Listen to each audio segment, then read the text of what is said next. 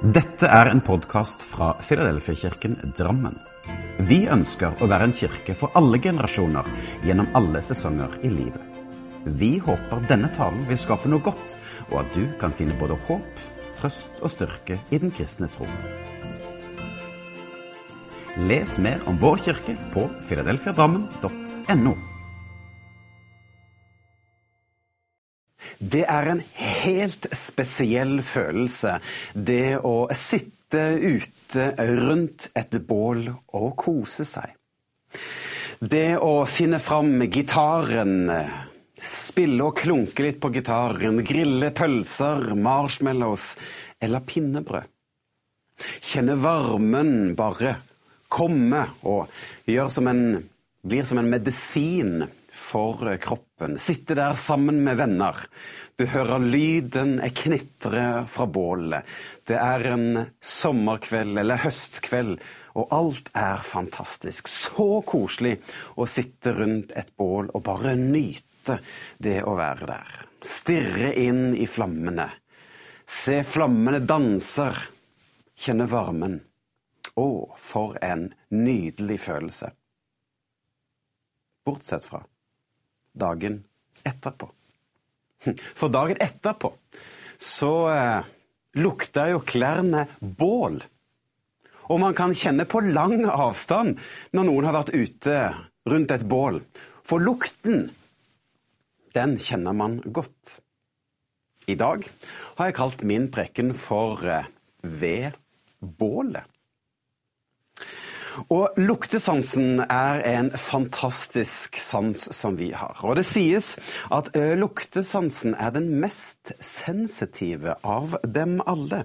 Og mennesker, de kan huske lukt med 65% nøyaktighet etter et år. Mens visuelt minne, det klarer man 50% nøyaktighet etter kun tre måneder. Du ser at luktesansen, den er egentlig en del av hjernen. Og vi mennesker, vi kan skille opp mot eh, 100 000 forskjellige lukter. Og det anslås at vi har mellom 10 og 20 millioner lukteceller. Er det noe rart at luktesansen er så fantastisk? Og vi kan jo òg da skille mellom ulike lukter, men òg det å kunne koble ulike lukter med ulike hendelser. Lukt og hendelser kan henge sammen. Og i dag skal vi til Peter. Peter han var jo lederen av disippelflokken. Denne frimodige fiskeren fra Galilea som hadde vokst opp eh, ute på sjøen, på Genesaretsjøen, og vært ute i vind og vær. Han ble kalt av Jesus, og han fikk lov til å gå tett sammen med Jesus i tre år. Han fikk lov til å se da Jesus mettet 5000, da Jesus gjorde vann til vin, da Jesus stillet stormen, eller eh, at Jesus mettet 5000 foruten kvinner og barn. Han hadde hørt Jesus fortelle at 'jeg er veien, sannheten og livet'. Han hadde hørt at Jesus underviste om at han er den gode hyrde, eller at Jesus sa at 'jeg er døren'. Peter hadde jo selv stått ved Cesare Filippi og utbasunert at vi tror, Jesus, at du er Kristus Messias, den som Skriftene har forutsagt for generasjoner siden. Vi tror at du er Guds sønn. Og denne frimodige mannen holdt seg nære Jesus. Han var eh, en av de nærmeste vennene til Jesus.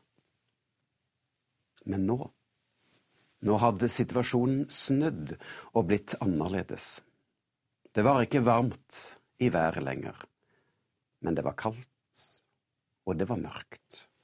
For noen dager siden så hadde Peter gått bak Jesus da han red inn i Jerusalem til triumferende hyllest. Nå var ting snudd opp ned. Nå var han på fremmed mark. og han følte seg presset, han følte seg alene, han følte seg naken. For noen timer siden så hadde Peter tatt opp sverdet og hogget av øverste prestens tjener sitt øre, fordi at Judas kom med soldater for å arrestere Jesus. Ja, han så at Jesus ble forrådt av et kyss fra Judas. Men nå står han helt alene. Alle disiplene hadde løpt sin vei. Og Vi skal lese fra Johannes 18, og der står det. Men Peter fulgte etter Jesus sammen med en av de andre disiplene. Denne andre disippelen kjente øverstepresten, og derfor tenkte de at de burde være uproblematisk å komme seg inn på øversteprestens gårdplass. Mens Peter sto og ventet utenfor, så gikk den ene disippelen bort og snakket med kvinnen som voktet døren. Så fikk de begge komme inn på gårdsplassen. Men da kvinnen som voktet døren, så Peter, sa hun, er ikke du også en av disiplene til ham som de akkurat har arrestert?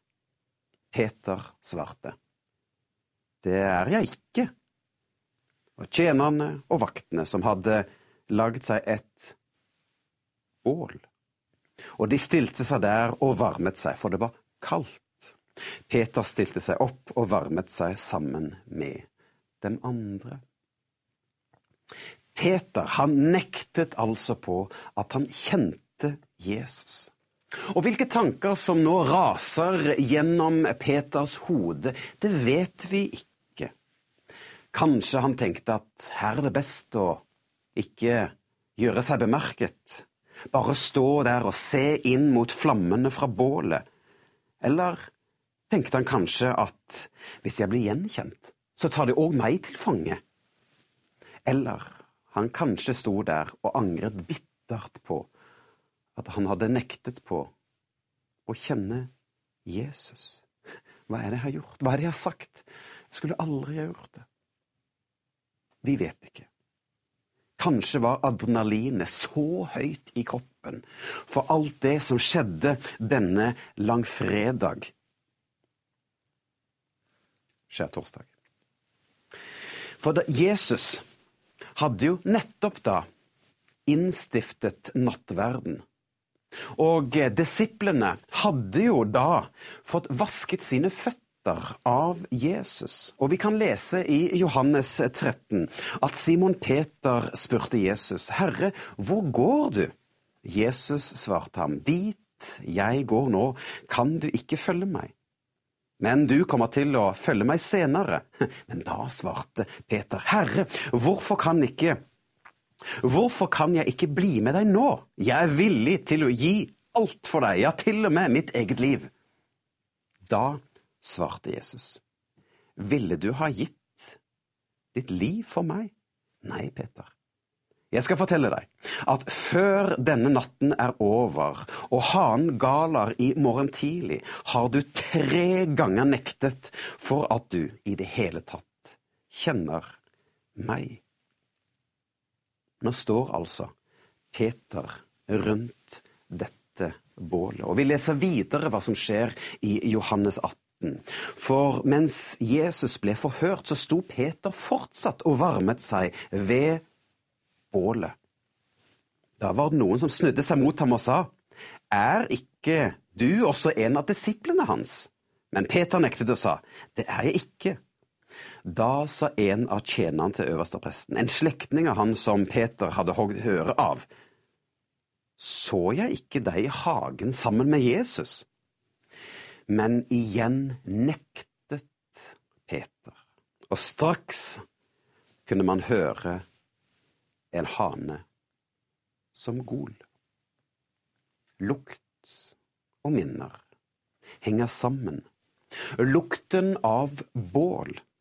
Og dette ble for Peter minne om skyld og om skam, om det å svikte. Vi kan alle oppleve det samme som Peter. Vi òg kan svikte våre nærmeste, men vi òg kan svikte Gud. Og ofte så har vi gode intensjoner med det vi gjør, men av og til så tråkker vi feil likevel.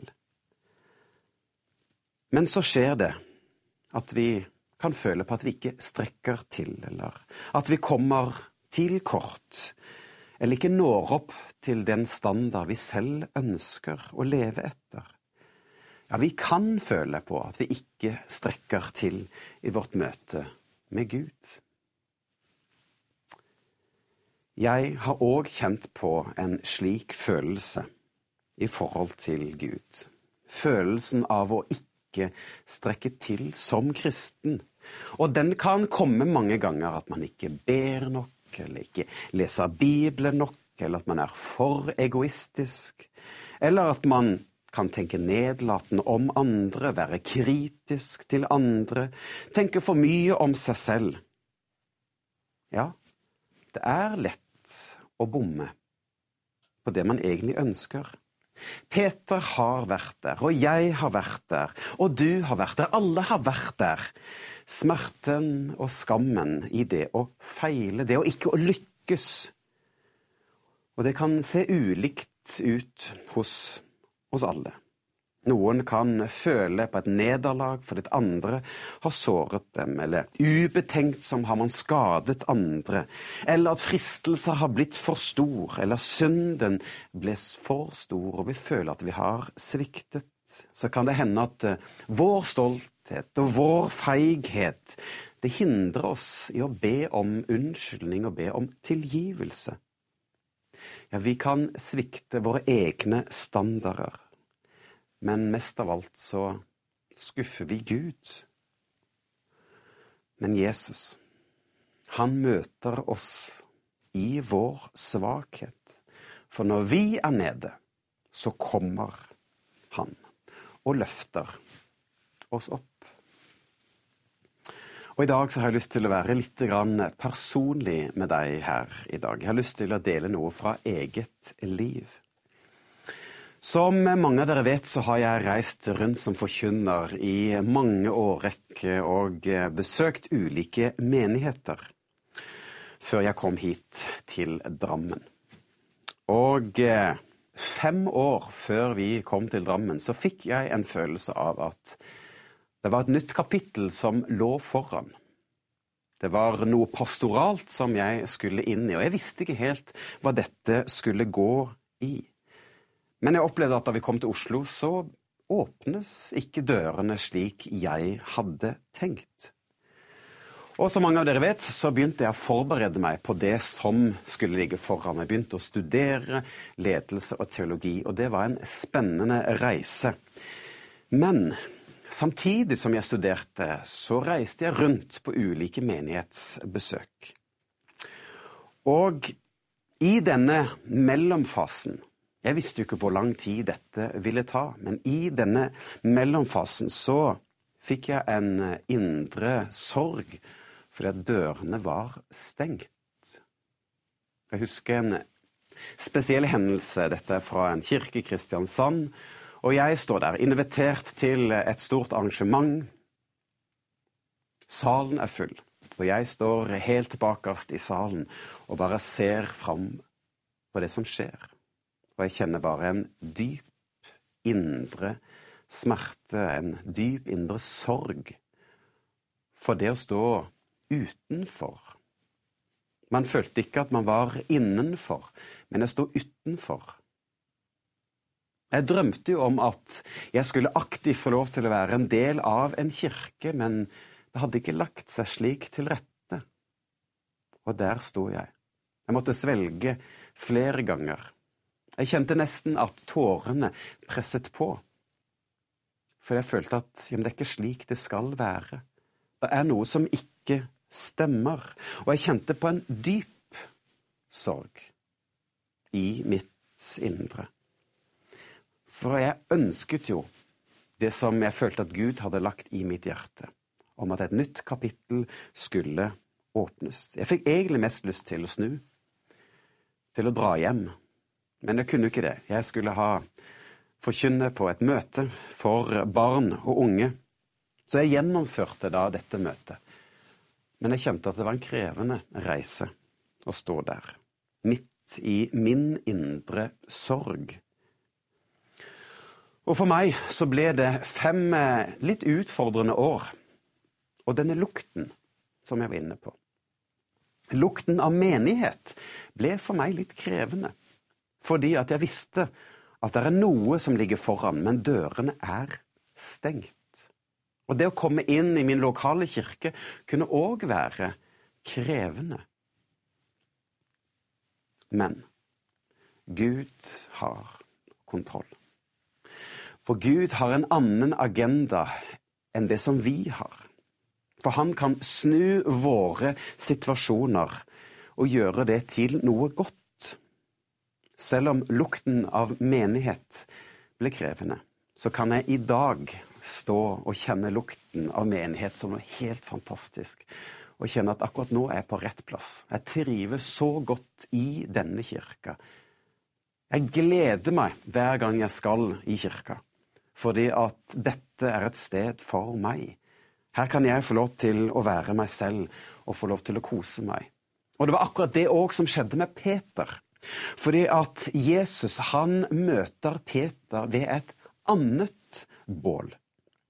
For flere dager er gått. Jesus ble dømt til døden. Han ble spikret til et kors. og Han døde, og han ble tatt ned ifra korset og lagt i en lånt grav. Men på den tredje dag så sto han opp igjen. Og da viste han seg for mange av disiplene. Og disiplene fikk beskjed om å dra opp til Galilea. Og Der skulle de få lov til å møte Jesus igjen. Og Jeg leser ifra Johannes 21, og der står det Senere viste Jesus seg for disiplene sine igjen. Det gjorde han ved Genesaretsjøen, og det skjedde på denne måten. Peter var sammen med Thomas, Nathanael, Sebedeus sønnene og to andre av disiplene ved Genesaretsjøen. Da sa Simon Peter til de andre, jeg drar ut for å fiske. De andre ville også være med, og dermed dro de ut i båten for å fiske. Men den natten fikk de ikke fisk.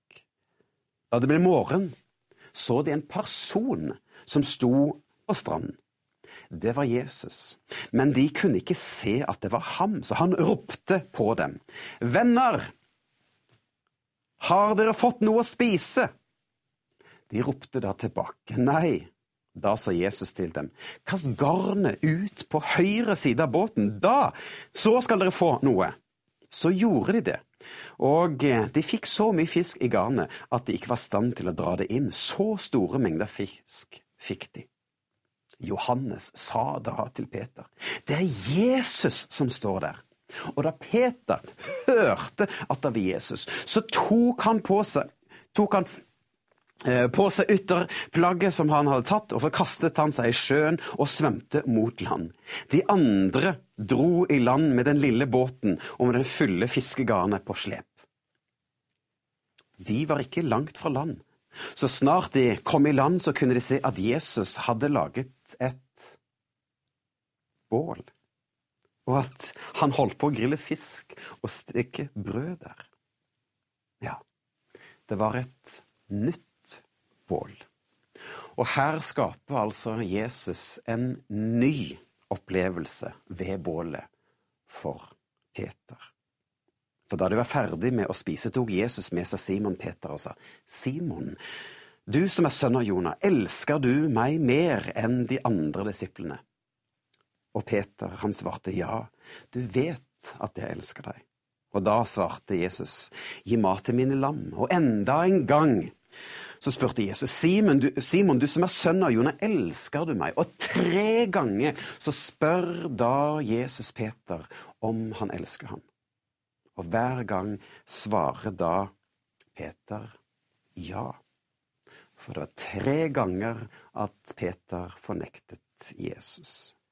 Og likeledes så spør altså Jesus Peter tre ganger om han har han kjær. Det blir som at Jesus han sier, 'Jeg tilgir deg'. Jeg vil at du skal vise, vite at du er tilgitt for dine feiltrinn. Og på den måten så møter altså Jesus Peter. Og han renser sårene. Han knekker knekke da skammen og skylden og tviler ned, nederlaget, og løfte opp Peter ifra fordervelsen, ifra det vonde, og gjenoppretter relasjonen. Altså, lukten av bål ble ikke lenger et minne da, da, Peter sviktet, men det ble heller lukten av et bål som minnet om tilgivelse, om forsoning, om vennskap og om nåde. Nåde. Ufortjent kjærlighet. For Jesus, han strekker ut sin hånd til meg, og han løfter meg opp fra min svakhet. Og dette er altså kjærlighet. At Jesus tar bort min skyld og min skam og min dom. Lukten av bål blir ikke lenger følelsen av å svikte, men følelsen av å være elsket. Lukten av bål ble ikke lenger en følelse av å svikte, men følelsen av å være elsket. I min nåde har du det du trenger, for min kraft blir synlig i svakhet, sier Bibelen. Og Jesus han sier selv i Matteus 11.: Kom til meg, du som er sliten, du som er full av bekymringer, så skal jeg gi deg hvile. Følg meg og vær min disippel og lær av meg, for jeg er mild og ydmyk av hjerte. Og da vil du finne sann hvile og det virkelige gode livet. Å følge meg er ikke tungt og vanskelig, og det fører deg på rett vei. Ved bålet. Jeg tror at Gud kan gjenopprette der hvor vi har tråkket feil. Vi kan komme med en beden og en ydmyk holdning overfor Gud. Så kommer Han med sin tilgivelse, med sin nåde, med sin kjærlighet til oss. Må Gud velsigne deg. La disse ordene få lov til å falle i god jord hos deg, slik at det kan bli å skape en trygghet på innsiden. At selv om du og jeg har gjort noen feil, så er Hans nåde større. Gud med deg.